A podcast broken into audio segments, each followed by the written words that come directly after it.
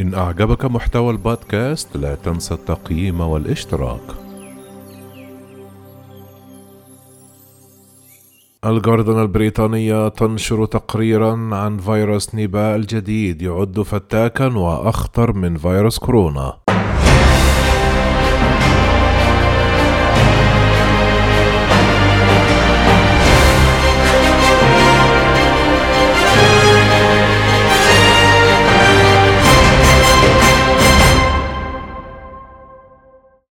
حذر تقرير خاص نشرته صحيفة الغارديان البريطانية من تفشي فيروس نيبا في الصين بمعدل وفيات يصل إلى 75% وأن يتسبب بجائحة عالمية مقبلة تكون أخطر من وباء كورونا.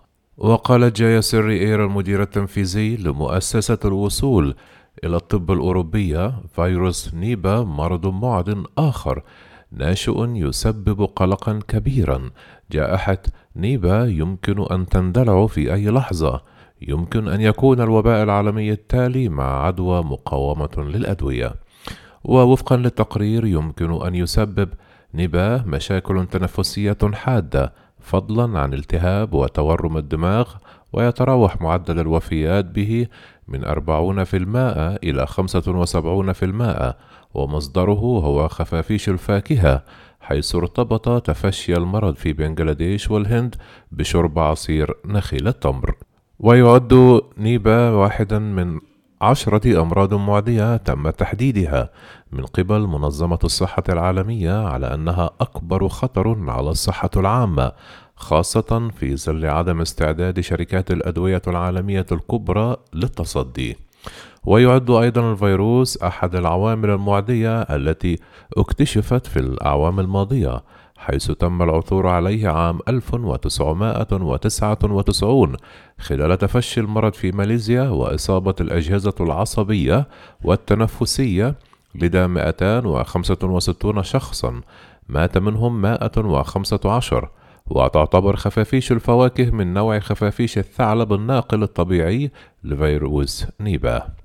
كما يمكن انتشار هذا الوباء في أستراليا وبنغلاديش والهند والصين وتايلاند وإفريقيا وينتقل من الخفافيش إلى الحيوانات والبشر ويمكن أن ينتقل أيضا من شخص لآخر عن طريق اللعاب ولا توجد في الوقت الحالي أي أدوية أو لقاحات لهذا المرض.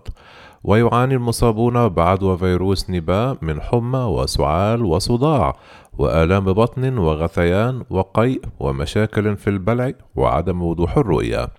ويدخل حوالي 60% من المرضى المصابين بالفيروس في حالة غيبوبة يصبحون فيها بأمس الحاجة إلى مساعدة في التنفس. ويعاني المرضى الذين تطور لديهم المرض من ارتفاع حاد لضغط الدم وارتفاع معدل خفقان القلب وارتفاع حرارة الجسم. كانت عالمة الفيروسات الصينية شي زينجلي الملقبة باسم امرأة الخفافيش. مديرة معهد وهان للفيروسات قالت إن الحيوانات تحمل فيروسات شبيهة بكورونا. أكثر فتكًا يمكن أن تصيب البشر. وقالت زينجلي وفقا لتقرير جريدة ديلي ستار البريطانية أن فيروسات كورونا الأخرى موجودة في الخفافيش وأن الأمراض المميتة لديها بالفعل القدرة على الانتشار إلى البشر. وأضافت الباحثة في معهد ووهان لعلم الفيروسات أن هذه الفيروسات بما في ذلك الأقارب المقربين لكورونا من المرجح أن تنتشر في الطبيعة في جميع أنحاء جنوب آسيا قائلة لا يجب أن نبحث عنها في الصين فحسب بل هي أيضا موجودة في دول جنوب آسيا.